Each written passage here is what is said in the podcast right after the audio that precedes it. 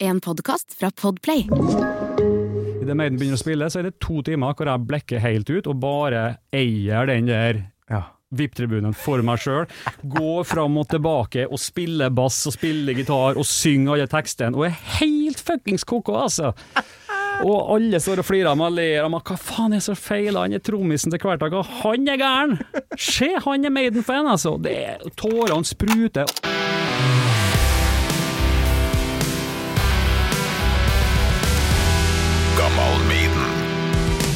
Bruker å være litt støy inne på den sida der. Og si ifra hvis det blir plagsomt. Hodet mitt er fullt av støy. Det uler noe så jævlig. Har du plaga med noe Nei, det har ting? kommet Tinnitus og sånn? Det har kommet, altså. altså Det jeg har det? Ja, men jeg, jeg er ikke plaga av det, men jeg, jeg blir mer sliten, kjenner jeg. Ja. Snart 30 år med tromming, så det er klart på et tidspunkt så er det nødt til å skje noe. Jeg har vært veldig dårlig til å beskytte meg. Men liksom, jeg har alltid likt den støyen. Altså, jeg liker å slå jævlig hardt på tromma og bare kjenne det, liksom. Det har Ja. vært helt topp. Men eh, de Eh. siste årene så tror jeg kanskje at livespillinga har eh, gitt Mm. meg 20% mer tintus, da. Og da begynner jeg plutselig bare okay. oh. Nå fikk jeg ikke med meg hva folk sier, og må skru opp litt ekstra på TV-en. Ja, du er der, ja. Mm. Lurer på om vi bare skal kjøre på, jeg. Gjør det.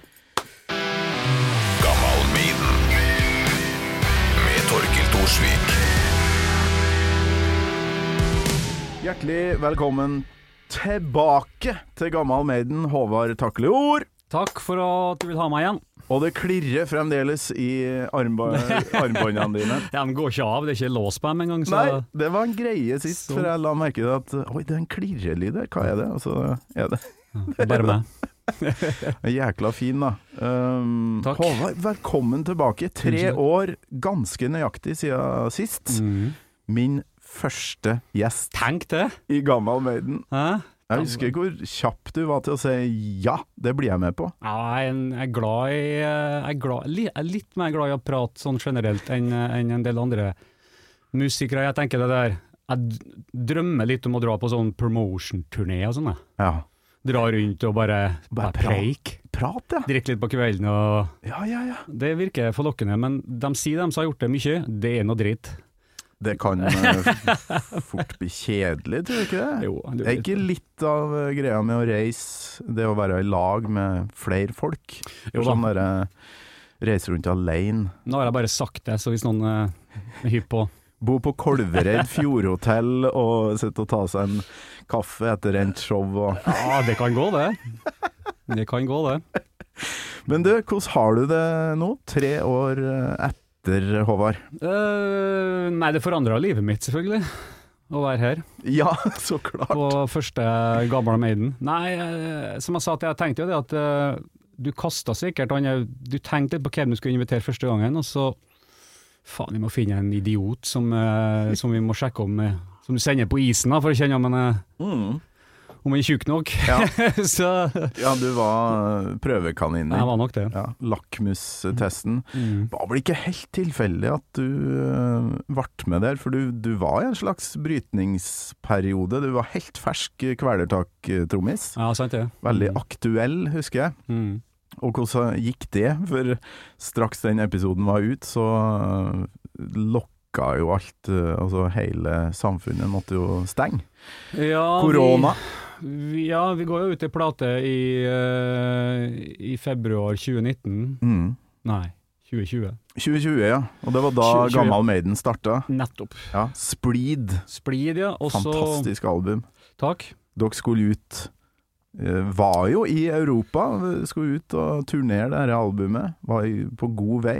Men så fikk dere stopp. Ja, vi skulle jo erobre verden, rett og slett. Altså det, det, vi hadde jo mm, svære planer. og var på god vei og var på en eh, mer eller mindre utsolgt europaturné Mm. idet pandemien dro oss hjem igjen. da. Så eh, to uker fikk vi av det som var på en måte et, hei, et, et langt kapittel som vi skulle gjennom da, i løpet av to to, kanskje tre år, liksom, på den plata. Ja, ja.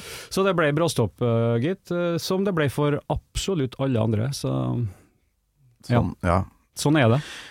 Det der fikk vi jo prata om veldig mye om i Gammal Maiden eh, med andre artister her, så jeg tror jeg legger den ballen litt død. Og så skal vi høre på et lite um, klipp fra forrige episode, Håvard. For det her er øyeblikket der jeg har skjønt at Gammal Maiden har et liv. Jeg tror det her kommer til å bli en bra podkast. det er når du sa akkurat det her. Det er jo litt sånn det Maiden er et band som får meg til å skrike sånn ordentlig. Om jeg sitter alene og ser på, på, eh, på DVD eller VHS, eller bare hører på, eller går på konsert eller et eller annet. Så det, det er alltid noen tårer inni bildet, for jeg blir så jævlig rørt. Glad. Og jubler og hender i været, og liksom, livet er på topp. da. Det er bra å sitte å stønne av ting intervjuobjektet mitt uh, sier.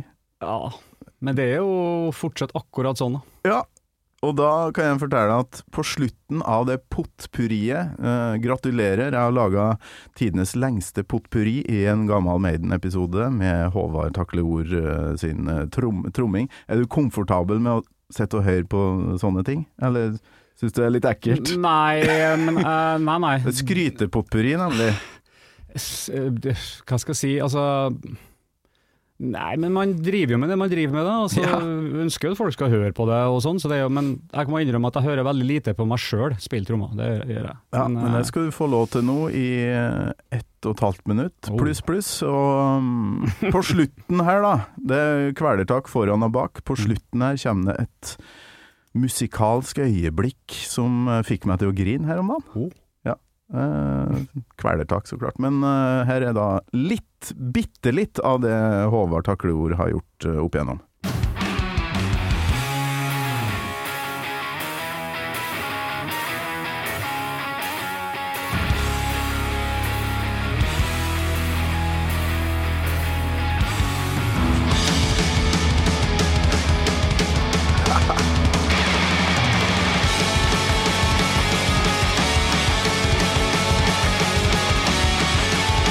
Her går det fort!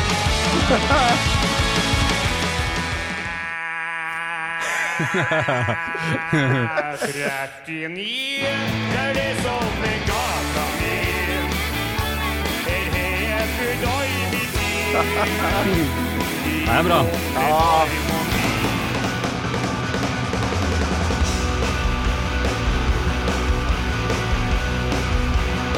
El Cuero.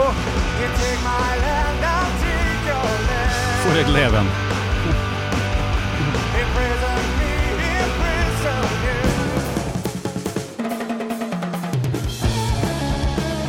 Det er fett. Ja, kult.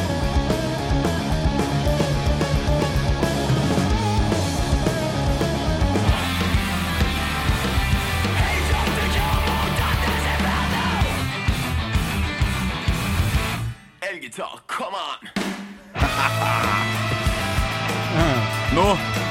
Nå kommer det.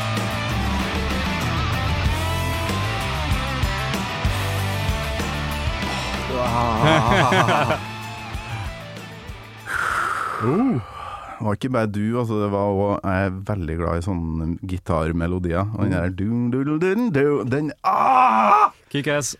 Jeg satt på plassen min bortpå og prøvde å gjemme, gjemme meg litt, for det går jo kolleger forbi. da Og, og, og sette med sånne Det spruter litt. Ah, og det var jo nettopp det du snakka om sist du var. Mm. Meloditeften til Maiden, og at Mm. du, når du hører ting, så bare kommer tårene. da. Jeg, jeg kjenner det er vanskelig å holde dem tilbake nå. det er jækla bra. Men eh, ringen er slutta, tre, Mhm. tre år etter. Men nå har dere fått prøve å, å spille litt uh, splid-musikk rundt omkring. Ja, vi hadde, vi hadde et bra første halvår 2022, altså. Vi Mm. spilte ganske mye og var rundt i Europa og Skandinavia. Vi Fikk også pløyd litt den marka som vi skulle, da. Så Ja. det føles ganske mye bedre. Og så må vi bare legge det bak oss, det som har skjedd. Og så skjer det jo bra ting framover, da. Så det eh, Faen, det blir bra som faen her, altså. Det blir jo det. Ja. Det, har dere skal på Tons of Rock, og det står at det er litt sånn eksklusivt. Er det fordi skal det komme noe nytt album, så dere gjør ikke så mye, mye flere ting i sommer? Nei, vi har en stille sommer, ja. Så det, det blir den eneste konserten vi gjør, Ja. eh, både på norsk jord og i Europa, i sommer. Det Så det er eksklusivt som det blir, det. Ja, og det Mm. gleder jeg meg til. ja. Skal dere avslutte hele skiten, så var det det sto? Det ser noe sånn ut. Ja, fy flate, for en lørdagskveld det skal Ja. bli. Men det er vel noen som har ymta om at dere så klart jobber med nytt album? ja er det, er det er klart at når eh, det Gjorde ikke alle det under pandemien, da? Var det ikke det folk oh. bare skjønte at ok, da må vi faen meg begynne å lage noe ny musikk, i hvert fall. mm, Så det har vi jo selvfølgelig gjort. Så vi, eh, det, det skjer da ting, ja. Det foregår mm -hmm. ting, ting der. ja. Men Håvard, Mm. det jeg hørte på, for jeg måtte jo høre hvordan var den første episoden, og den er veldig annerledes enn det Gammal Maiden har blitt. Ja, det har jeg skjønt, Eh, faktisk. Ja, eh, episodene er lengre, tar Mm. for meg mer å bare bore der jeg syns det er artig å bore. Mm. Men uh, i første episoden så var jo ikke det som etter hvert ble et um, fast spørsmål, uh, ble jo ikke med. eh, for da hadde jeg ikke funnet på det ennå, så du skal få det nå. Okay. Husker du Håvard Takleord første gangen du hørte Iron Maiden?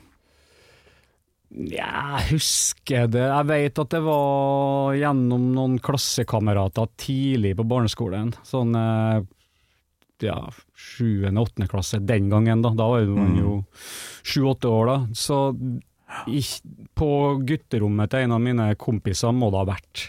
Ja. Det var ikke noe sånn onkel eller noen storebrødre eller noe sånt eh, familiært. Det var venner som eh, hadde på kassett. Jeg hadde jo vært Kiss-fan siden jeg var fire. Så Kiss hadde jeg på en måte kontroll på, men Maiden var noe helt nytt. Og det, det var jo vi, altså, enda ei svær dør som bare åpner seg, og så er det en helt ny verden der, som er totalt forskjellig fra Kiss på mange måter. da. Ja, men òg likt, da, for det er ganske visuelt basert, sånn kanskje Ja, i starten. Absolutt. Sånn at man liksom Åh, det her er tøft. Ja, ja. Men hvordan høres musikken ut, på et vis? Ja, nei, men det, på en måte sånn cover-artsmessig så er det jo sånn at du blir jo inspirert bare av å se på det, så det er klart, det har jo, en, det har jo både Kiss og Maiden en greie. Mm. De gamle ACDC-coverne er liksom ikke så kule, på en måte. De, men, men Maiden-coverne er jo på en måte art i seg sjøl, som suger deg inn i det, og i hvert fall gjør deg lysten på å høre på hva det her er for noe greier. Ja, Så det, det er Og det er jo Det er jo kanskje litt flaks òg, men bare det at de har klart å lage det til en sånn egen brand, da, som er Ja, kanskje noe av det største merch-riet Det selger noe. i verden, liksom, er jo helt enormt. Så- Ja, det er liksom Star Wars og Iron Maiden. Ikke sant? sånn på, på salg av uh, dingsbomsa, ja. Ja, de er bra på det. Men uh, ja, du ser ACDC.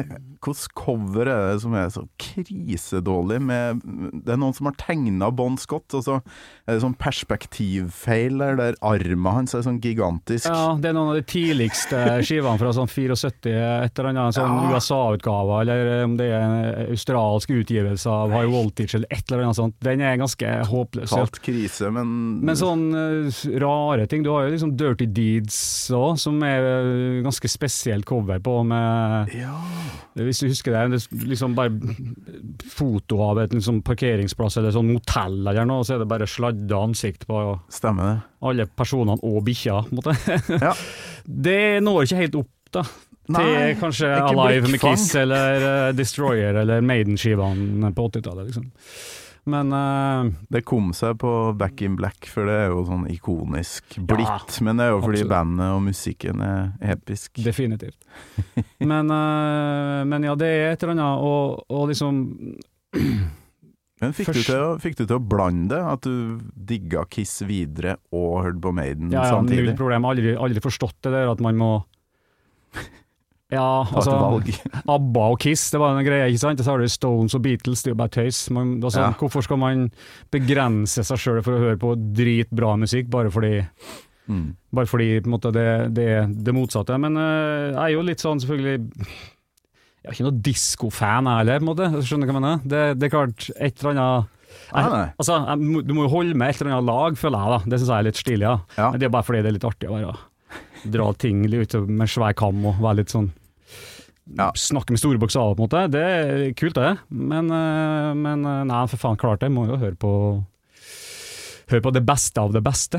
Ja, ja, ja. Får du til å sjekke ut ny musikk i dag, eller blir det mye gammelt? Nei, vet du en ting? Jeg hører på eldre og eldre musikk hele tida. For det som skjer, er at jeg, at jeg Si da at du begynner med Kiss og Maiden, ACDC og, og Motorhead og de greiene der, og så Mm. Du blir litt eldre, så går du og tenker ja faen, røttene deres, da. Hva har de hørt på, ikke sant? Ja. Og så faen, så havner du borti 70-talls blues, heavy blues, sant? Ja. Purple og Zeppelin og alt det greiene der, og så er det tilbake der igjen, og så er det liksom, da finner du Stones og Beatles og alt det greiene der. Altså, nå vokser jeg på en måte opp med Beatles og det greiene der òg, men Og så er det liksom, nå hører jeg på Chuck Berry og, og, og sånne ting, egentlig mye mer enn jeg hører på Maiden eller noe annet, egentlig. Ja, ja, ja. Så, og liksom, liksom gammelrocken i det den på en måte var like mye jazz da, som rock, Mm. det er altså rock'n'roll, da. Det er, det er liksom der jeg er i dag, så jeg sliter med å henge med på nye ting, altså. ja. Og det er en dårlig ting, og noe man ikke bør si høyt. Det er kanskje det. Jeg prøver jo så godt jeg kan, da. Jeg var jo på um, på Tons of Rock og så uh, Bring Me The Horizon Mm. i lag med en kollega som er blodfan. Så bare skal du oppleve det bandet her, så må du inn i den her moshpiten og stå der i lag med meg, da. Det, det var tungt. eh, det var tungt å svøle. Men eh, på sett og vis altså, OK, det er det her det handler om. Den massesuggesjonen, og det, det er jo noe catchy greier der, og noen Absolutt. tracks som Mm. går og pumper den også inn i helvete. Så jeg, jeg forsto det, på et vis. Skrev konsertanmeldelse og ja. Men måtte du inn i den morsbiten for å skjønne det? Da henger ikke jeg med, på en måte. Da Nei, kan man ikke stå og høre på, er ikke det nok? eller? Jo Men jeg har stått ved, som en gamlis ved miksebordet Her er best lyd, så her skal jeg stå med armene i kors, og så skal jeg, skal, skal jeg være skeptisk. Men jeg, skepsisen forsvant da når jeg sto i lag med sånn 18-19-åringer som var helt over seg. Og da ble det sånn OK, Mhm. sånn var det. Plutselig sto jeg der med en vilt fremmed dame på skuldrene.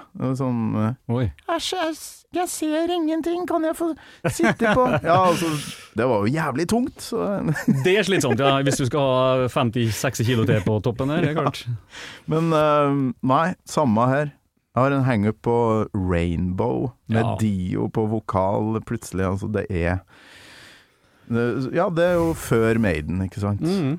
Så kanskje jeg òg driver og ja, tar en reise enda lenger tilbake. Ja, Maiden hørte definitivt på Rainbow. Det tror jeg. Kanskje, kanskje det har vært noe, noe lytting der. Mm. Så da Jeg fikk heller ikke bora liksom i hvordan du starta som trommis, eh, hvordan det skjedde. Var det et miljø med Maiden-fans eh, og gitarister, og dere starta band? Hvordan ble det? Altså, min start er like Den er helt vanlig, da, i den forstand at man begynner å slå på gryta og kar hjemme på hjem på kjøkkenet, egentlig, og ødelegger litt stoler og sånn ved at man slår på på putene med, med noe greiene, hva du nå har å slå med. Så det er det, er det liksom. Og så kjøpte fattern eh, et trommesett til meg og broren min Brynjar eh, når vi, jeg var seks år.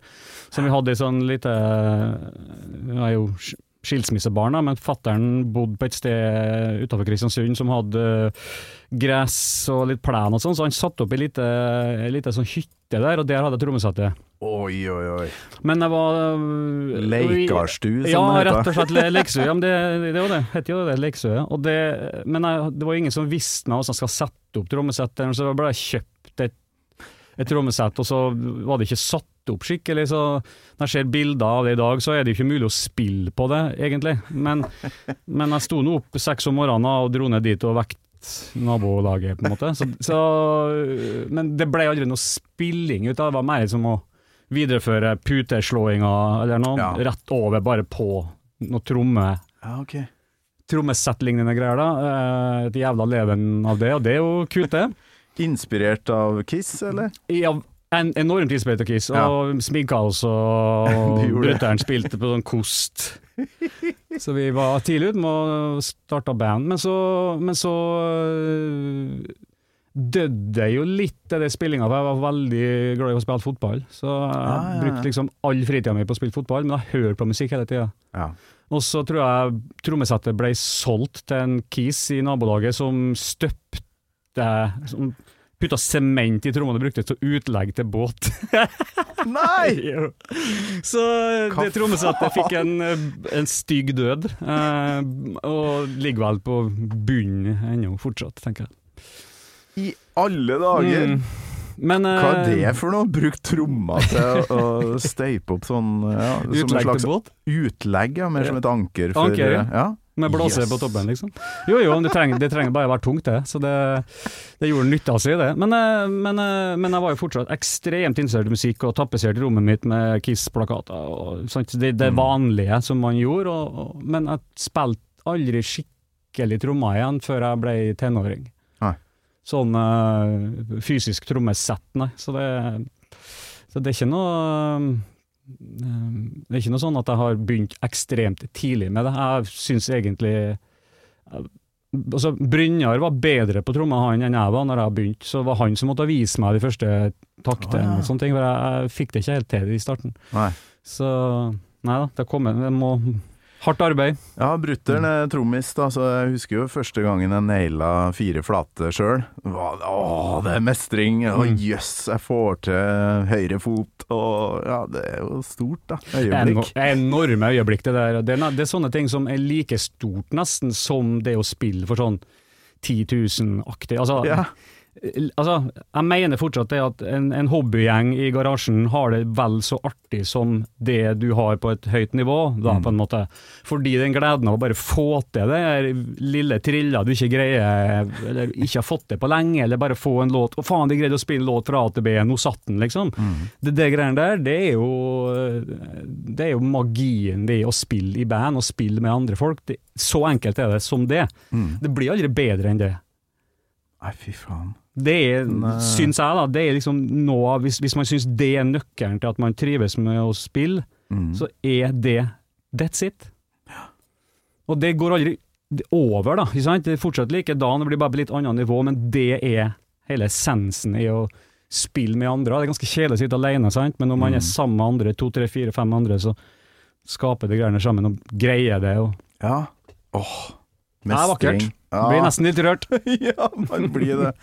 Når var liksom første opptredenen, eller bandet ditt, da, sånn litt ordentlig? Da hadde jeg spilt i to måneder, så var det vel kulturmønstring i Kristiansund. 92 er vi tilbake til da. Ja. UKM-en, ja. UKM-en, ja. vi skal takke UKM. Åh, dæven, det har Ja, det eh, skal vi faen meg gjøre. Fordi du trenger jo noen mål å jobbe mot, ikke sant? Den der, eh, jeg har vært veldig sånn uh, Man spiller jo i band for å spille live, Mm. det er jo det man gjør. Ja. Så det å ha en sånn en greie å se fram imot, om det er to måneder eller et halvt år til, så er det sånn man må øve fram til det målet som snart skal skje, da, for da skal man jo spille for folk, og da må man være god, liksom.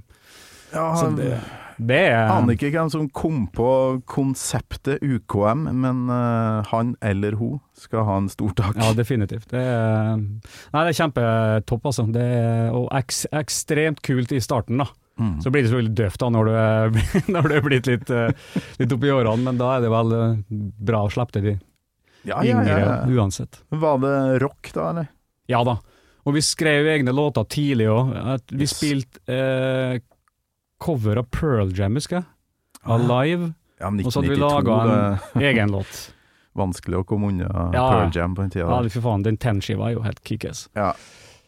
ja, ok, så dere skrev hva Brynjar bror din med? Brutter'n var med en gang han på egen, egen låtskriving. Altså. Ja. Så vi har alltid liksom spilt veldig mye cover og spilt på pub og gjort det som man gjorde før, da. Sånn som Mm. Beatles dro til Hamburg og ikke sant, skjønner du? Altså, Van Halen spilte topp 40 og var liksom Pantera, samme. Ja, ja, ja. Spilt utrolig mye live, live, live, live hele tida. Det gjorde vi òg. For å få gigs, da, så må du jo spille mm. noen låter folk har hørt om, så det gikk jo mye i sånn Neil Young og Tom Petty og Stones og de greiene der. The Band og sånn. Og så skrev vi alltid låter sjøl, som vi drev og prøvde å flette inn innimellom. Og Mm. ga ut CD-er tidlig. og Det er en haug med band som har gjort masse greier, og ingenting Wow. av det er hørbart i dag, det skal jeg love deg. det Men likevel, rett på, altså. Ja, rett på. det på. Ikke Mm. noe korps eller kulturskole eller sånne Nei, der har jeg vært antisje. Det har vært anti, ja. ja? oh, korps syns jeg er noe grelle greier. Det, det er ikke noe feil, det kan, Men det trenger jo ikke Gå i uniform på rekke og Yes. spille trommer.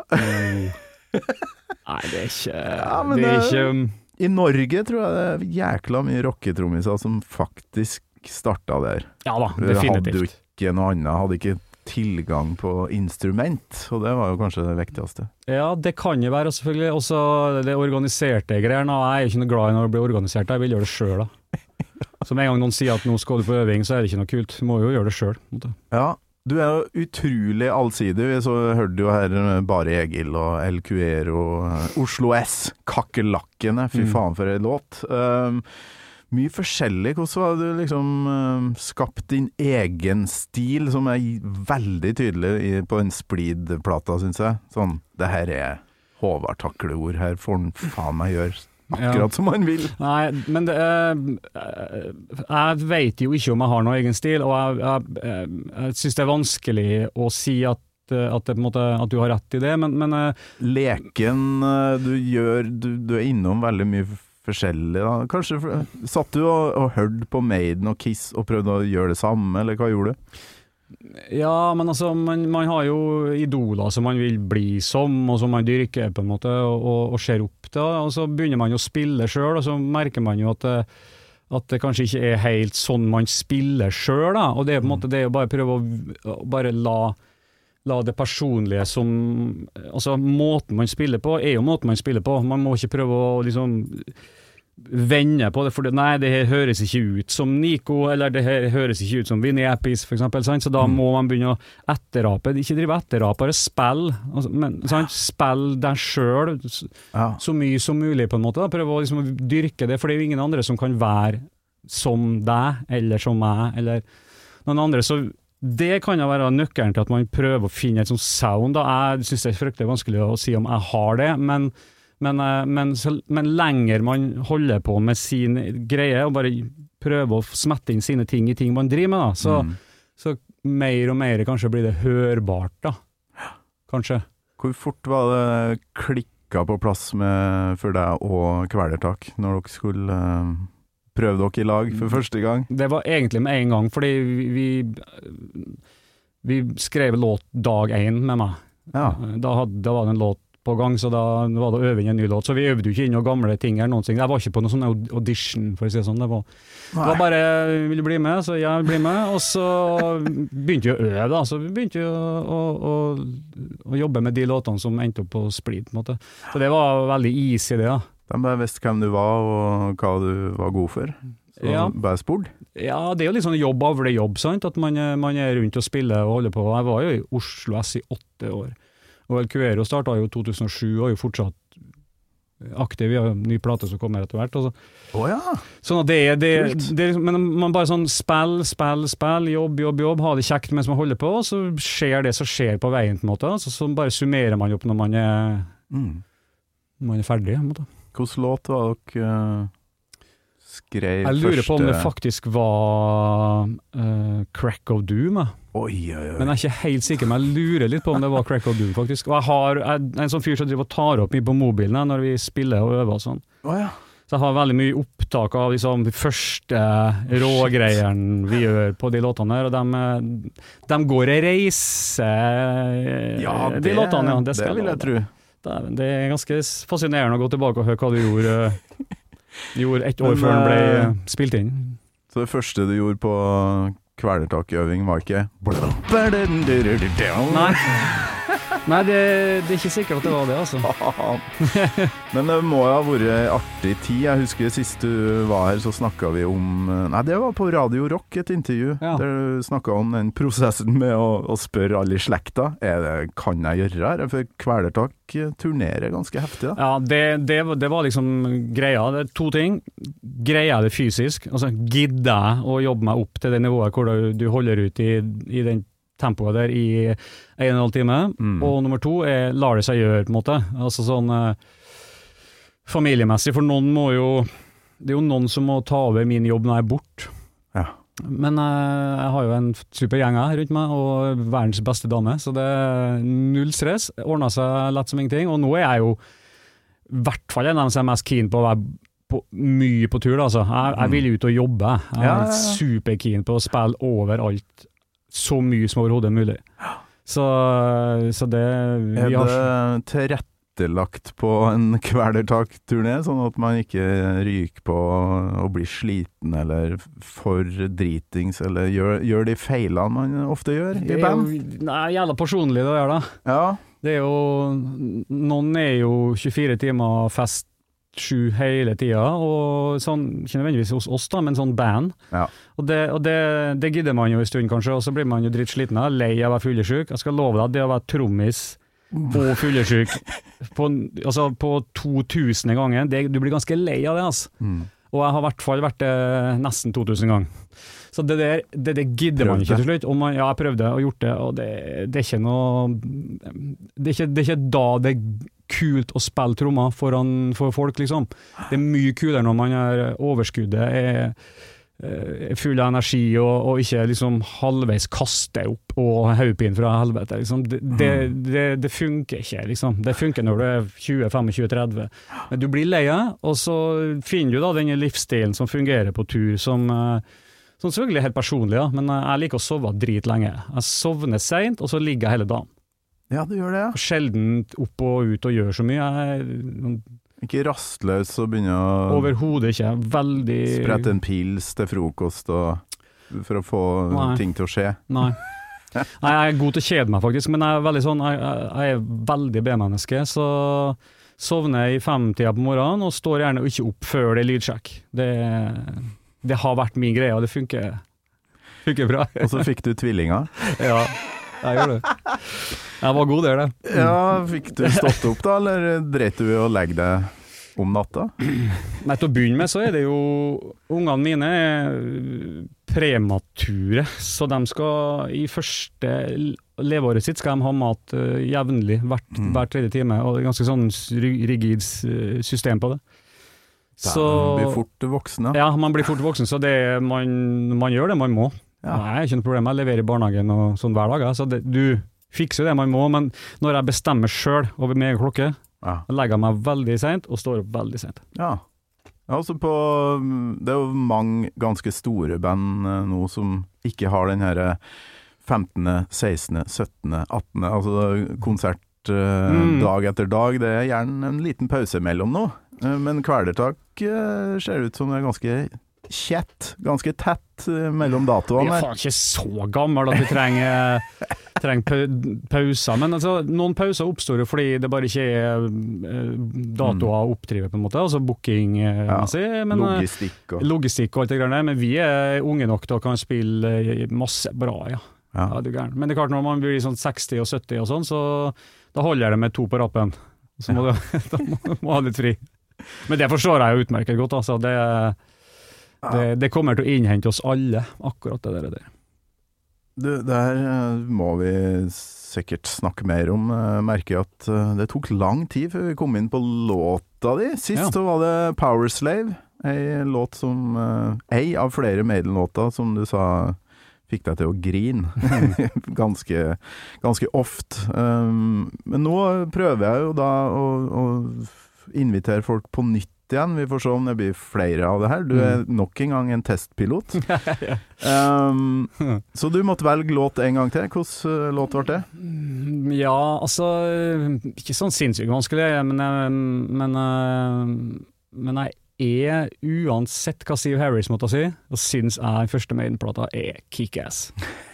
Han lät rart og det greiene der, men det, det kan ikke jeg ta stilling til, altså, for det er sånn den plata låt. Den låt akkurat sånn, og det er sånn han skal låte, og jeg er så innmari glad for at Maiden aldri har liksom remiksa den eller gått i den superfella der med å Nei, faen, den første plata slet ikke noe bra, så vi må liksom gjøre den om på nytt. Fuck det, altså. Fansen liker at den er sånn. Det er sånn han skal være, og sånn er den. Samme her, altså. Og, og, Null øh, problem med lyden her. Ja, null problem. Ja. Og det er jo en haug med bra låter på den plata, men uh, Phantom of the Opera, vet du. Det, det er jo eh, Altså, jeg vet ikke om du husker når Maiden eh, hadde en sånn live-gig fra Nya Ullevi i Sverige i 2005? Jeg lurer på om jeg har eh, lyd derifra, faktisk. Ja, nettopp. Og den, og den gigen der eh, er fantastisk. Og da har Bruce Higginson en, en sånn eh, intro til den låta der hvor han når han spiller Phantom of the Opera, hvor han liksom sier det at det her er på en måte alt Iron Maiden handler om. Det her er Skal vi høre den? Ja, Hvis du vil gjerne vite litt hva Iron Maiden er for noe, da, bare hvis du skal spille den til, til en sånn fremmed som Ja. aldri har hørt det før, sett på han her, da. Så Jeg hadde. Pål Angelsgaard innom, nemlig, Ja. som uh, valgte seg den låta. Da Mm. klippet jeg ut det her. Vi kan høre litt på det. And this song really is everything that Iron Maiden is all about. I know that you understand it because you are the hardcore of Iron Maiden fans in the whole of Sweden. ja. Der ble det gåsehud, ja.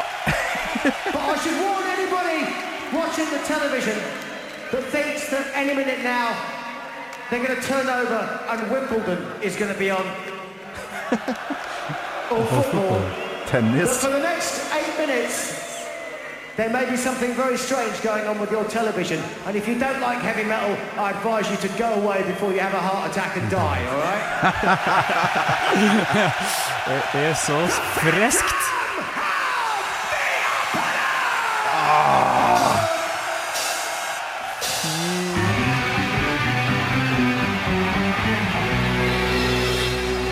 Fy faen. Helt rått.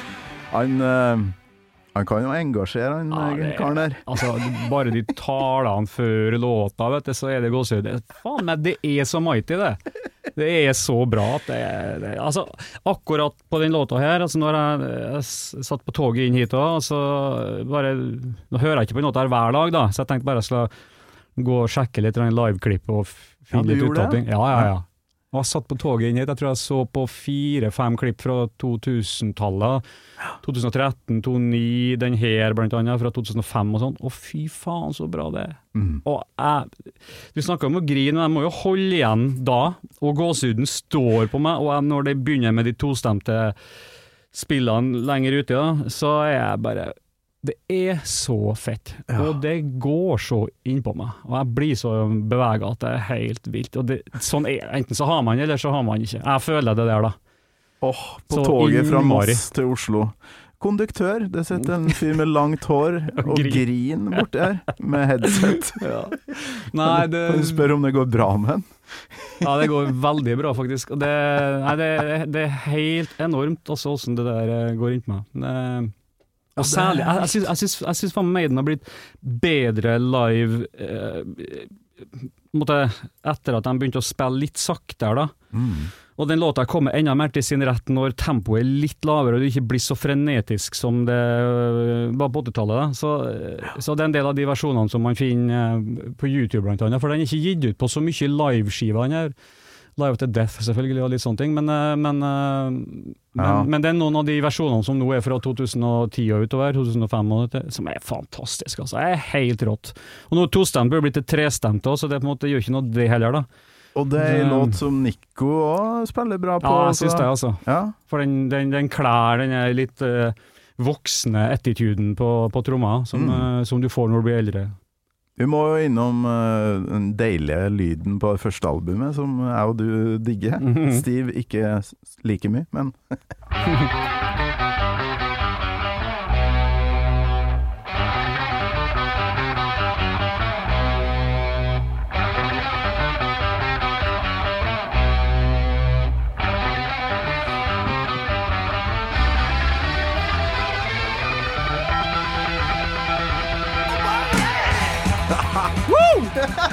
det er jo en fanden i voldskhet her, som Det er bra tempo her, syns jeg. Ja, det, det er bra det der, altså. Nei, det er fantastisk. Tørt og digg og Hæ? Å, fy Ikke faen. mye å gjemme seg bak her. Ah, og så kommer uh, Paul Diano, som Mm. nailer det her så jævlig.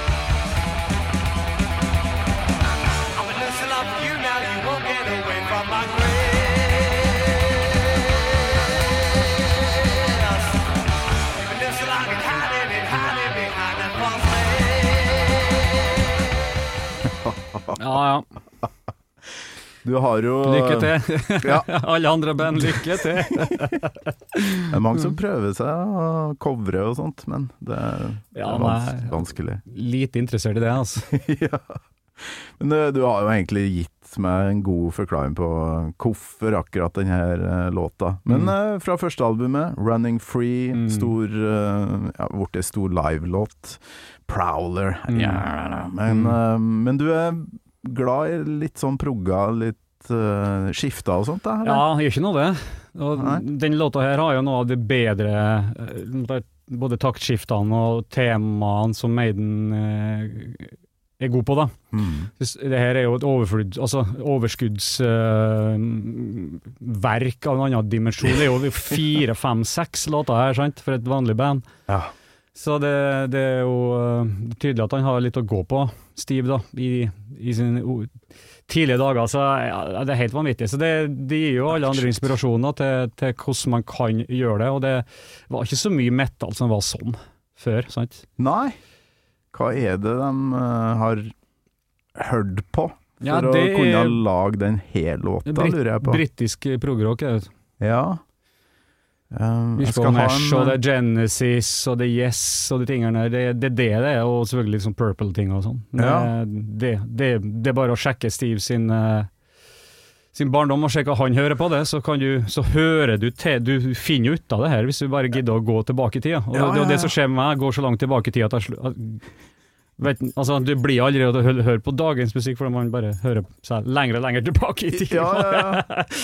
Det dukka opp et band, altså det er kult med å lage denne podkasten, at um, jeg lærer noe nytt hele tida. Jeg skal Mm. ha en gjest eh, snart, som også heter Håvard. Eh, han uh, tipsa meg om Eller han har valgt seg B-sida på Aces High, og det gikk opp for meg at jeg aldri har hørt den. Nei.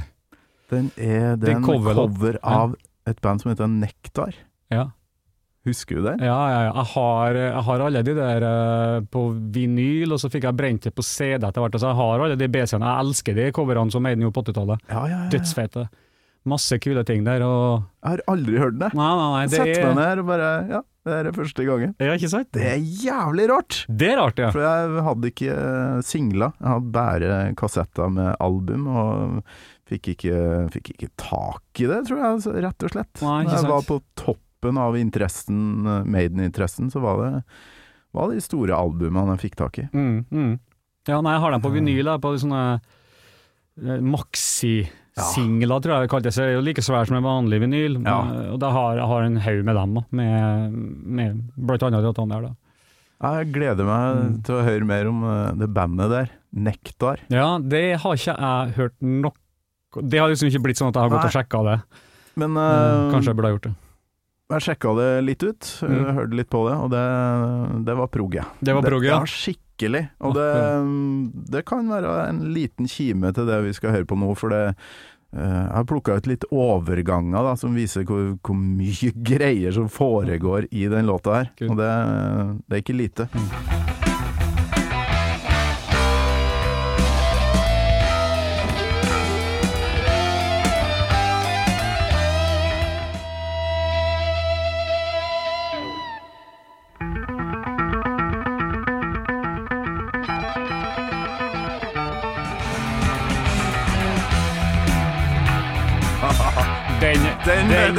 den er fin. Og den! Ah, fy faen. Uh, for en effekt uh, riffet der får når du har vært ned ganske lenge der, Ja. og så opp igjen. Ja, Ah, det er helt koko. Og det, det taktskifter kan gjøre, da, hvis du bruker dem på riktig, liksom. Så i stedet for at du måtte bli spent bein på, og hva skjedde nå, så er det bare sånn åh, ny verden, enda bedre, hva faen? Skjønner? Nei, Jeg har sett meg ned og forsker litt på Phantom of the Opera, og det, det er mye ting eh, eh, å lære der. Mm. For eksempel eh, Paul Diano har en detalj der han gjør sånn Det er veldig ofte at vi vokalister har lyst til å gjøre og sånt, oh, ja. i studio. Ja. Okay. Det har du kanskje fått med deg? Ja, mye lyder og sånt. Jeg har aldri hørt den, men her er det um, noen som har kløpt ut sikkert bærebass eller noe sånt, sånn at man uh, hører uh, kan gjøre her.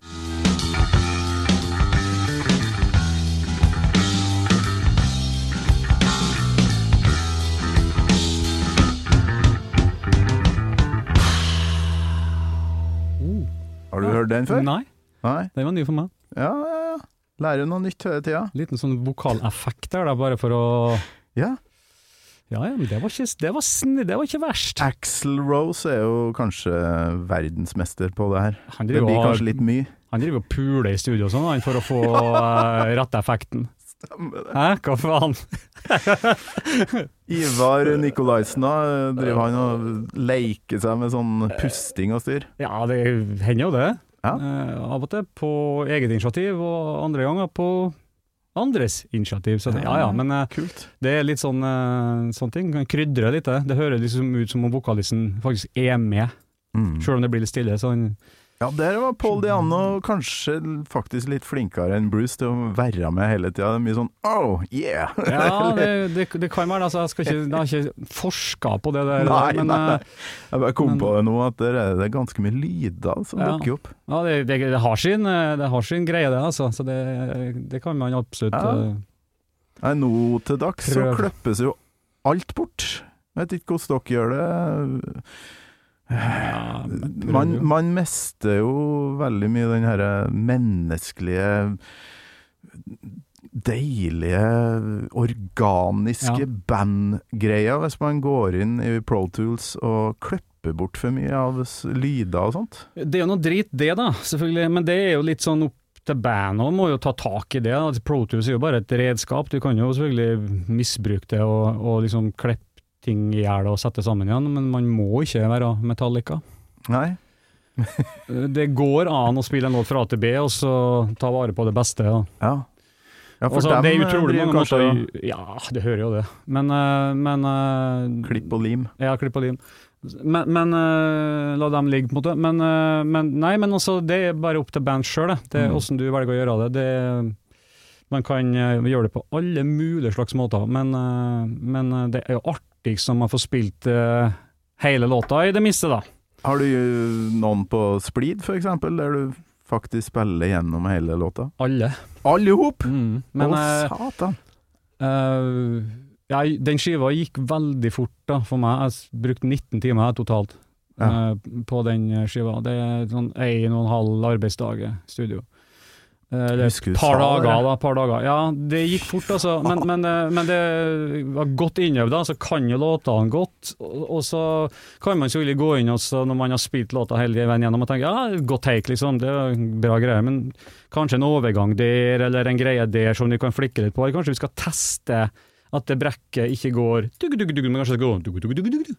Ja. Bakover i stedet for sant? Spille fra djupt til lys, sånne ting. Så går man og tester det. det. Det er fint med Det gjorde man jo før på bånn òg, det er bare tyngre og mer sånn teknisk greie for å gjøre det på bånd. Mm. Det er vanskeligere, på en måte. Men i dag er det veldig enkelt på data. Men fordi at det er blitt så enkelt, så gjør man det hele tida. Men Mm. hvis du bare lar lar det meste ligge, og så bare gjør det som du føler for å teste, så er det et godt redskap. Da er det ikke noe, da er det ikke noe farlig med. Men eh, med en gang man begynner å bli sinnssykt pirka på absolutt alt, så må man jo flytte på absolutt alt, hvis ikke så henger det jo ikke i hop. sant? Det er problemet, da. Alt blir så generisk, og det er kanskje litt av problemet som jeg syns metal og, og, og, og sånn har i dag, er at alt lærer så likt. Alt er så riktig, alt er så perfekt. Alle slagene er like harde. Alt er bare så utrolig firkantig og strigla at jeg mister, som du sier, mennesket bak det, da. Liksom det er organiske, høre bandet spille sammen, sånne ting. Det er jo Maiden god på. Maiden driver jo fortsatt og trekker masse live, dem og, og, og Ja. sånne ting, ikke sant. Men de må de gjør jo mange opptak av en låt, og så finner de de beste bitene av låta og setter den sammen. De har alltid gjort. Mm. Men du spiller det jo for det. Du? Det det er viktig at du har spilt det. Ja. At det ikke er flytta på, men at du har spilt det. Og det, Hvis man gjør det, så, så er jo ikke noe av det datagreiene i dag som er et problem. Men man må jo sørge for å stoppe i tide, da. Og, og liksom Må være god nok til å faktisk få til å spille en låt fra A til B òg, da. Jo, jo, jo. Men jeg, jeg tror det handler litt om smak òg. Altså, hvis du, Ja, har, det klart det hvis du har litt dårlig smak i utgangspunktet, så er det jo veldig lett å begynne å kløpse rundt uh, ting, sånn at det høres eh, altfor bra ut, da, Ja, på et vis. jeg kjenner jeg blir engasjert nå, får liksom pumpene mine begynner å gå. Ja, Fordi bra! at det, der er liksom, det er noen fanesaker for meg, og det er lyd og, og liksom estetikk i musikken og liksom smak og alt det greiene her. da. Mm. Og så blir det en konkurransegreie ut av det, fordi at de andre låter sånn, så må du òg låte sånn, og så går man hele tida opp, og så gjør man hverandre bare dårligere, da. Ja. Blir sånn som sant, media, medieverdenen i dag, fordi Dagbladet har så mye drit på sin side, så må på en måte alle andre ha mye drit på sin side, dem òg. Det, det, det blir en uting, da. Ikke sant? Ja, så man må jo stoppe opp da, bare si hei, fuck det der, da. La oss høres ut som et band, la oss, la oss prøve det, da. ja. Så, så Det må snu en vakker dag, da. Ja. Når folk skjønner at vi må back to the basics. Ja, jeg håper det. Og, og ja, jeg skal i hvert fall være med på å prøve å fighte for at det, Ja, det lar seg gjøre. Og det er bra, det. det er bra. Men det, der, der, der har heavy metal et problem, altså. Det, det må de skjerpe seg. Eh, Enig, enig. ja, jeg, det mener jeg helt og holdent, og det er jo en sjanger som jeg elsker, men eh, den er blitt dørgende kjedelig. Ja, hvis man ikke leter etter de undergrunnstingene der det blir gjort sånn som man gjorde før. Ja, Absolutt. nå er vi ordentlig dinosaurer her, Håvard. Ja, det eh, driter jeg i, men det, det, det får bare være. Altså. Og det er litt av det jeg syns er så stilig med å lete i sånn en sånn hobby jeg har, da, innimellom jeg har tida til, det er å gå og lete etter sånn B- og C-band fra Ja, okay. 80-tallet og Ja. sent 70. Sånn, hvorfor hva skjedde med eh, liksom, Tigers og Pantang? Hva skjedde med dem? Kanskje liksom, Ja. Saksene er ikke noe sånn Ja, det var et B, ja, A-band kanskje, men gå tilbake og sjekk de der bandene der, da. Hva var det som skjedde med alle de der bandene som var en del av the new wave of British heavy metal? Hvorfor ble ikke dem svære, og hva skjedde med de greiene der? Ja, ja, ja. og jeg syns at mye av de lydbildet som er på sent 70- og tidlig 80-tallet, er dødsfett. Mm. Jeg liker det så godt. Tidlig Envil-skiva låter jo dritfett. ja, ja. Så det det med soniske der, da, som jeg er veldig glad i, og som, som på godt og vondt er band. Mm. Lavbudsjett, lite penger.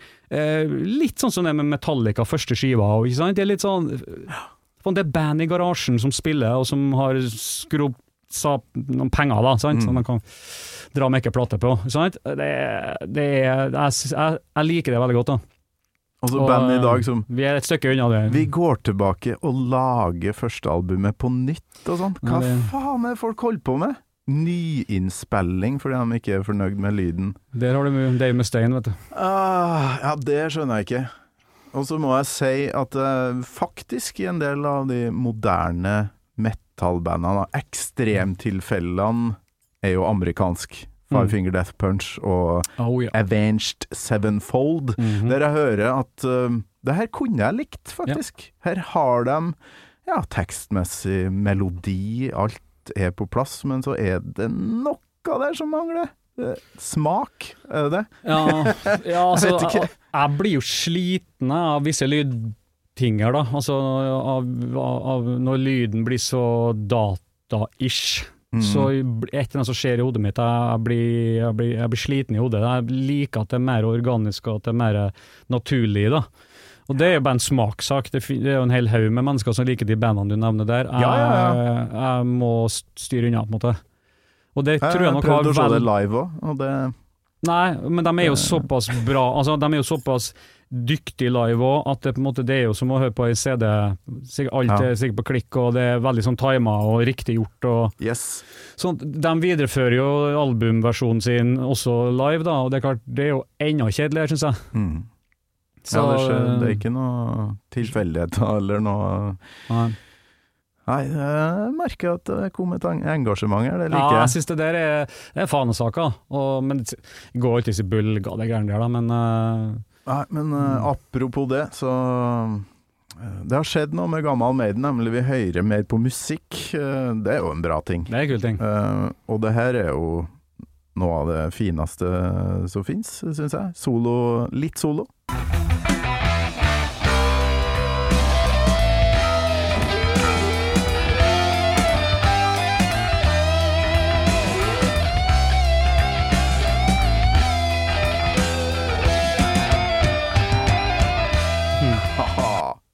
Steike! Ja, han er min favoritt, vet du. Av alle gitarister i hele verden, så er Dave Murray min favoritt. Oi! Ja, du snakka varmt om han Ja. sist. Fytti katta for en lyriker. lyriker. Ah. Helt enormt. Bare det der De tingene der er, Han gjør det i så mange soloer, så har han sånne små fraser som, som gjør noe for meg som er helt vanvittige.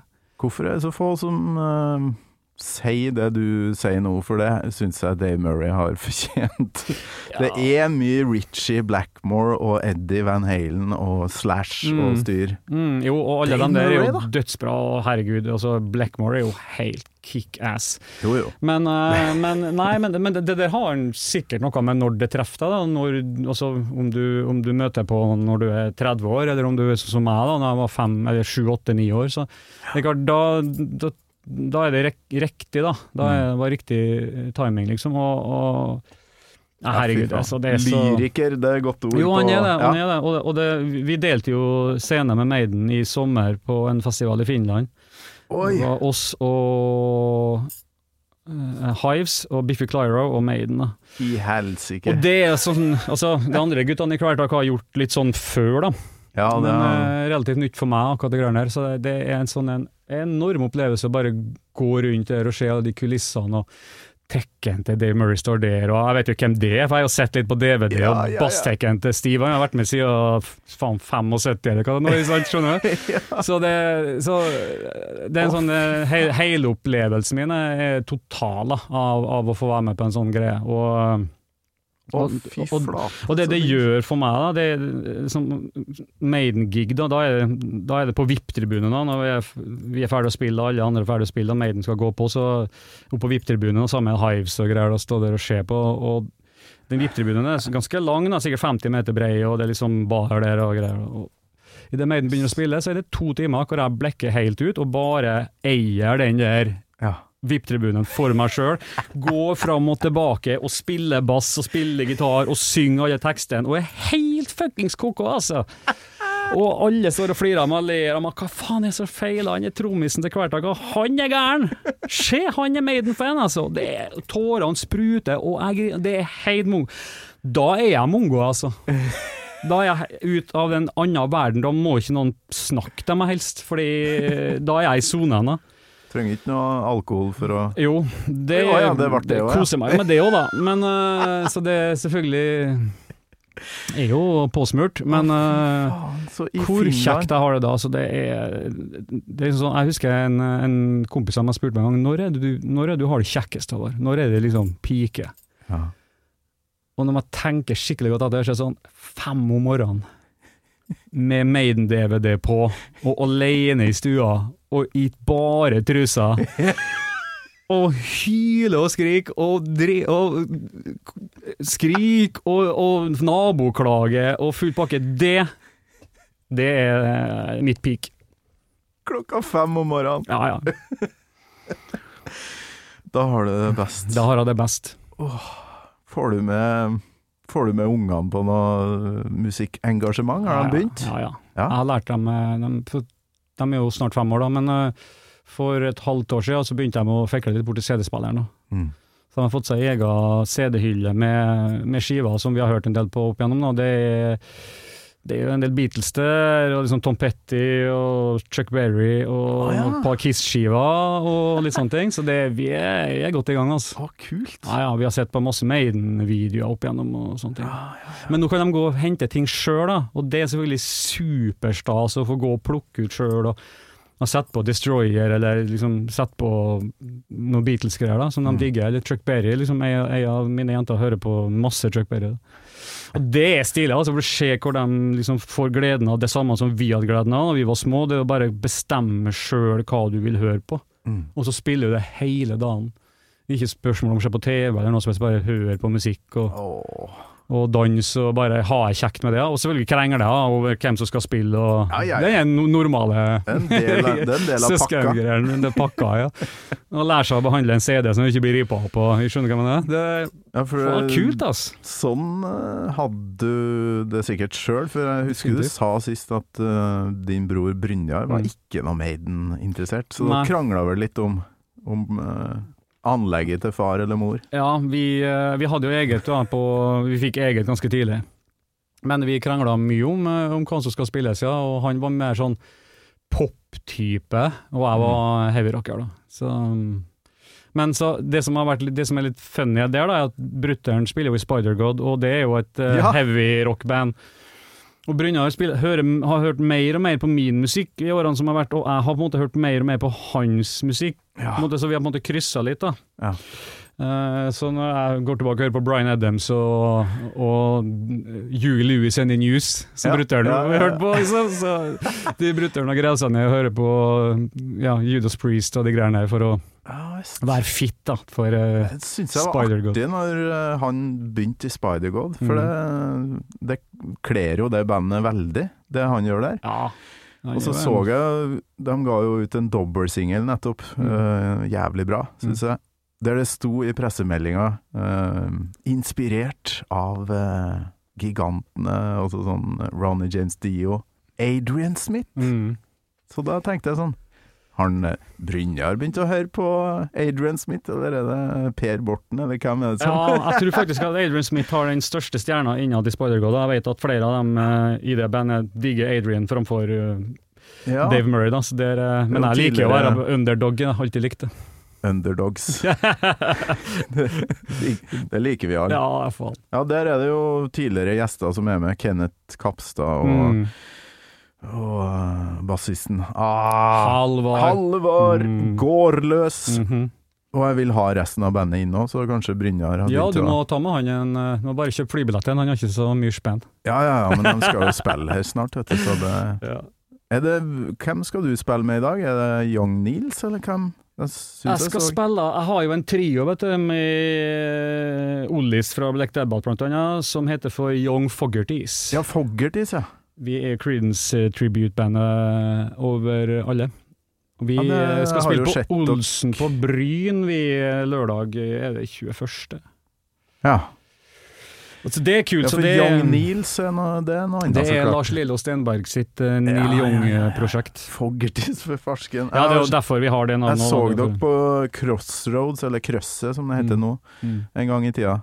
Mm. Og jeg elsker jo gammal Creedence, så Selvfølgelig, klart du gjør. Å, fy faen. eh, Alt var på plass der. Vokalen, koring og alt. Mm. Så det vil jeg anbefale alle å sjekke ut når dere er ute og spiller. Men eh, hvordan er når du kveler tak i hovedbandet, ikke sant? Mm. Hvordan er det når du får forespørsler og oppdrag ellers? Er det bare Er det kvelertak, så rødd, så er den Ja, ja, det er klart. Altså, det er Dere jobben. rydder kalenderen, liksom? Ja, det er jobben. Så, men man vet jo ganske godt hva man skal fram i tid. Da. Det er ikke sånn at det plutselig blir booka noe i morgen. Så. Mm. så øh, hvis man følger litt med på, på kalenderen og, og sånn, så har man oversikt over det, og kan alltids booke inn andre ting som er av interesse. Så det, det Ja. gjør jeg støtt og stadig, så det, Mm. det er ikke noe problem. Og det er greit og hvis man har litt sånn landlege som vi har nå òg, hvor det ikke skjer så mye, så er- på livefronten så er det veldig kult å drive med andre ting, så man ikke stivner helt hendene og sånn, så da er det ekstra digg å ha en sånn band som Foggertis, da, som på en måte Ja. ikke er er noe prosjekt som skal bli til noe, skjønner du? Altså det er ikke Nei, noen er ambisjoner der, det skal bare spilles fordi det er Mm. sinnssykt artig å spille sammen og, og sånn, så det, det anbefaler jeg på en måte, da. Å ha en sånn, hvis du har, hvis du har et band som som, som jobber litt mot, mot å få til ting og har mål og ambisjoner og, og sånn, så er det veldig digg å ha et band som ikke har det. Åh, Som er senk skuldrene. Senk skuldrene, ja, bare drit i det. Og, Du, du, du, looking at my back ja, så han spiller litt sånne ting. Det, Ja. er- åh, det er noe av det kjekkeste jeg gjør, altså. Rett og slett. Fortunate son. Ja, det, men så slipper man jo å liksom bryte seg vei med låtene, for låtene er jo kjent, dem. Ja. Låtene er jo jævlig bra, dem, og, Og så og slipper er du den derre. Spill no Creedence.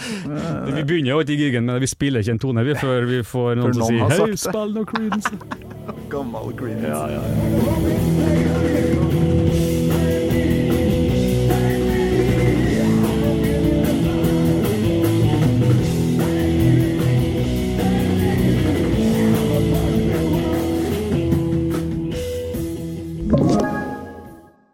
You're listening to a podcast. I'm Bruce Dickinson. You're not, and you're listening to Gamal Maiden. Men har du ikke et band i Moss òg? En sånn gjeng?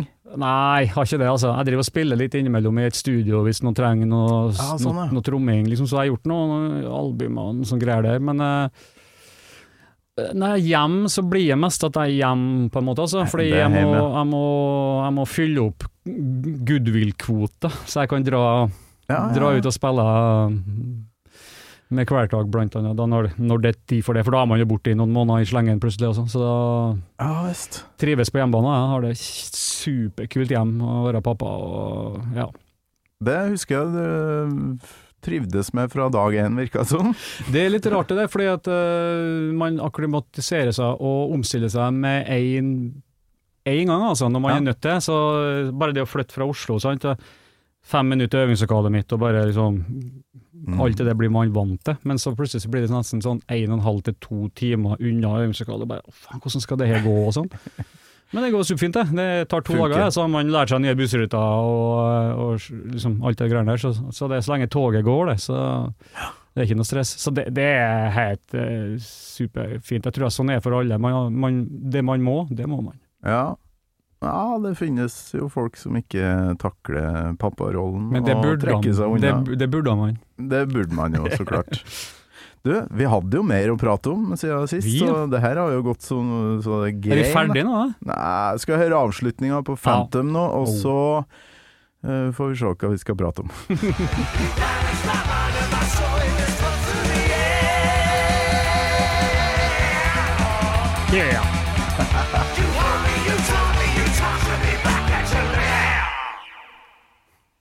Og så er det jo en avslutning til. Jeg skvetter alltid han der. Altså, jeg, jeg skjønner ikke helt den der. Den dukker bare plutselig opp igjen, og jeg forstår ikke helt poenget med den. Nei. Så jeg tror nå kommer det en ny låt snart, og jeg blir like overraska hver gang. Ja. Faen, der. Åh, helvete, Pål. Men er det ikke litt sånn uh, lekent band som uh, ennå ikke har liksom fått helt respekten for det der albumformatet? Altså vi, vi lar ting bare ligge der og være med. At de bare Kanskje, la men det, det, på høres sånn som en produk, det høres ut som en produksjon, det høres ut som du bare har gjentatt det siste han sier, Ja, på en måte, og så bare legger det på på nytt. Så det, men det er nok sikkert en sånn eh, Kanskje ble gjort seint på kvelden, da, eller noe. det er akkurat det. Jeg er jo med i band, og første albumet var vi jo stort sett sørpedritings. Da vi, vi spilte inn på to dager, 14 låter, og tok med alt imellom sånn derre Sånn kødd og sånn. Og det, det angrer man på i ettertid. Ja, ok. Ja, Ja. ja ikke sant. Sånn derre Faen, nå ble jeg sliten, eller sånn En, to, tre, fire Bare kødd. Nei, det Jeg har blitt voksen eh, etter den. Det er litt derfor jeg tror at Ja, ikke sant, men det, det, tror jeg er litt av grunnen til at man eh, Altså, har det live-albumpreiket og det der med at jo, det må være 100% live og alt det greiene der, men, Mm. men hvis gitaren er dritsur, eller den havner i bakkene og liksom får et sånt kjipt klunk og greier der, det er kanskje artig to lytt, men ja, når du skal høre på det igjen og igjen og igjen, kanskje i 50 år, da, så Mm. blir det ikke noe stilig til slutt. Nei, nei, Så at man går inn og gjør noen sånne små eh, skjønne, altså, skjønnhetsmaler det litt sånn, det er klart man gjør det. Det er ikke det det handler om, nei. Nei, det er ikke det det er litt mer den der eh, følelsen av et et band som kommer rett fra turné som Ja, spiller det her, ja. ikke og har prøvd låta live, for det er jo litt Ja. Mm. Man, man må ikke ha gjort det, men man må i hvert fall ha stått en del på scenen. Og det fører meg til neste spørsmål. Hvordan blir 2023 for deg? Eh, akkurat nå så er det ganske stille og rolig, Eh, men så er det Tonsor Rock da, 26. juni, som blir forhåpentligvis eh, veldig bra. Og så skjer det ting eh, etter hvert, da. Ja. Eh, Men det er ganske rolig. Vi har, eh, vi har tatt, eh, tatt oss et godt pust i bakken vi nå, og så lade kruttet. Ja. Tørke kruttet. Ja, men det, jeg gleder meg som en unge så. til den derre Tons. Det er stor scene. da. Svær den. Ja. Ja, jeg har jo gjort noen store scener før, men det er klart Ja. det men den er et eller annet med Norge, hjemmebane, Oslo, største festivalen, det greiene her. Det, det bør være lyd i P-en, ja. ja. Det bør det. Dere blir så bra, det. Vi, Jeg fikk jo sett den før eh, liksom, dere hadde én gig på Parkteatret, før dere skulle ut på Ja. en splid. ja. Det er jo tett og deilig, eh, sånn ordentlig intimt. Mm. Dere funker som faen der òg, vet du. Ja, det er kult. Det var min første, det da. Du så Ja, det var min din første. første. Det er Ja, det gikk det, altså. hvordan var den kvelden? Jeg synes, Husker jeg Marvins redda meg, jeg den, den dagen jeg får introen, når vi liksom bygger opp til Rogaland, så jeg er faen plutselig ikke helt sikker på hvor lenge jeg varer før vi skal inn. ja, sånn, ja. Og så er jeg rett før jeg skal inn og liksom Her er jeg. Ja. Så Marvin bare rister på hodet og bare vent litt. Vent litt. eh. Å, det er så vakkert det, når du får hjelp av bandkompisen din, for han ser at du er på vei til å gjøre noe greier, og så bare holder han litt til. Ja, det kunne, det Ja, kunne ha fått en litt annet utfall. da. Godt å ha en, eh, en Marvin, da. Man skal ha noen kompiser i ryggen. Det var sånn hvitt teppe med noen kule skygger fra dere, ikke sant? Ja. Og da var det Rogaland dere starta med? Mm. Ja, ja, ja. Så du holdt på å bomme der, ja. Jeg var på vei til å gjøre det med en gang. Og, men det, så, sånn er litt, altså. Det er premieregreiene første gangen og sånn. Det, det er noe med de kveldene. Men jeg, så har jeg det er litt sånn, Jeg tar med meg det, da, at jeg har spilt så sinnssykt mye på pub. Og sinnssyke events og 50-årslag og danskebåt og you name it. ikke sant? At jeg kan orientere jeg fort å fange ting. altså Blikk og eh, altså Nå er jeg på vei, på vei til å gjøre noe gærent, så jeg kan jo rode i land. Ja. Litt sånn som jazzfolket sier, at det, det der eh, Spille en feil tone, bare gjenta den. sant? Spill den en Ja, gang til. sånn, ja. For da Ja. tror folk at det er en mening bak det. Så det, hvis jeg er på vei utfor et stup, så kan jeg ro meg litt i land, på en måte. Så det høres greit ut. Jeg kan kamuflere det litt på stedet. ja. Det, det er jeg litt glad for. At jeg kan fort til å catche meg inn igjen. Mm. Første gangen på UKM uh, gjør man ikke sånt. Da, da driter man seg ut, så stopper man gjerne. Apropos drite seg ut, jeg var så nervøs at jeg måtte skifte truse etterpå. Altså, det, jeg var så jævlig nervøs. Snakker UKM eller Parkteatret? nei, jeg snakker UKM i Ja. 1992. Men den følelsen der, den er litt er deilig òg, vet du. Det er jo en grunn til at du fortsetter. Ja. Ja. Mm.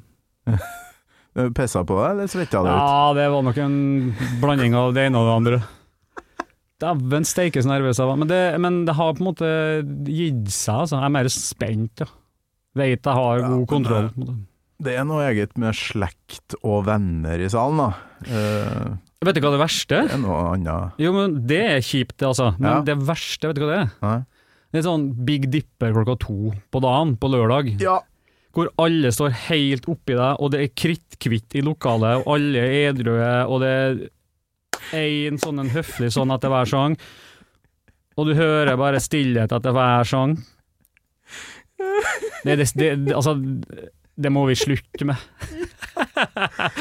ah, jeg er så lite glad i det der. Gutta, Ja. vi skal bare oppom Carlings og spille i, i, i klesbutikk. Um, eller har kunne tatt en liten showcase nede i teltet? Altså, ja, er det noe anlegg? Nei, vi har bare funnet noen trommer og greier. Nei! Ja, altså, jeg skjønner denne promoter plate og det greiene her. Altså, det, man gjør det jo igjen hvis man må, på en måte, men det, det er det kleineste. Det er mye bedre med svært. Det er så mye mer å gjemme seg bak, det er Yes. store, Og du får scenene. respons som vokalist når du spør ja, har dere det fint. Gjør du ikke det klokka to på Nei. en lørdag, altså midt på dagen der, det, da får du ingenting. Jeg har Hjelp. egentlig aldri skjønt hvorfor de her tinga skjer.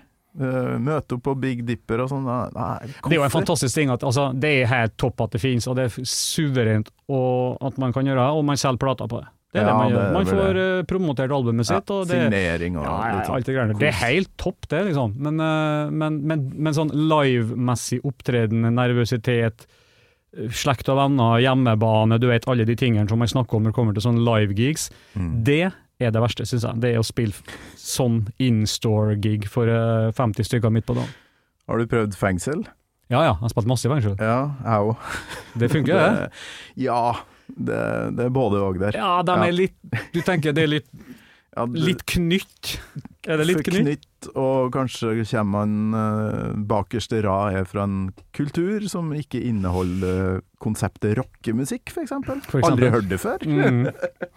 Nei da, det, det, det, er- det er blanda, det, altså. Kan være bra, altså. Kan Kan, være være dritartig. Så men ja, kanskje butikk, det er vel Det er, tyng, det er tungt, rett og Jeg slett. synes det er tungt. Jeg har å Jeg har gjort ganske mye sånn, vi gjorde masse sånne eh, akustiske livetinget med Oslo S, og da for rundt på alle mulige slags plasser, spilte på skoler og butikker og you name it, liksom, og fengsler og alt mulig rart. Det er, man blir vant til det, på en måte, men, det, men, eh, men hvis man har snakketøy i orden, så går det, kan det gå bedre, liksom. Ja, han Åsmund Lande Ja, flink å preke, sant. De er, ja, men god på det. Og, og, og da slipper man litt billigere unna med, men hvis man har snakketøy litt langt inni kroppen, så er det der så kleint. Ja, ja, ja, ja, ja. Men uh, all respekt til Oslo S, som uh, faen meg jobba hardt for å få det der til å være et levebrød, for det Ja. er jo nesten blitt for alle. Ja, helt rått. Sånn. Og det er snakk om å liksom spille live og altså, Jeg kom jo inn i et band eh, når jeg ble med i Oslo S i 2012 òg, som, uh, som spilte så mye live som band i Norge gjør. Det kledde meg jo som, eh, som bare det. Så Koser deg, du? Ja, ja, ja. Herregud. Helt topp. Du, det her har vært helt konge. Jeg håper du kommer tilbake om tre år. Når, Eh, ja. ja. På nytt igjen, en nytt. tredje gang. Mm eh, Har du kosa deg, du òg? Ja, veldig. To kopper kaffe og hyggelig, hyggelig prat med deg. Nei, fantastisk. Takk for at jeg fikk komme. Du, det har vært meg en ære, og vi slo nesten litt sånn rekord der. Oh, lengde. Eh, Ja.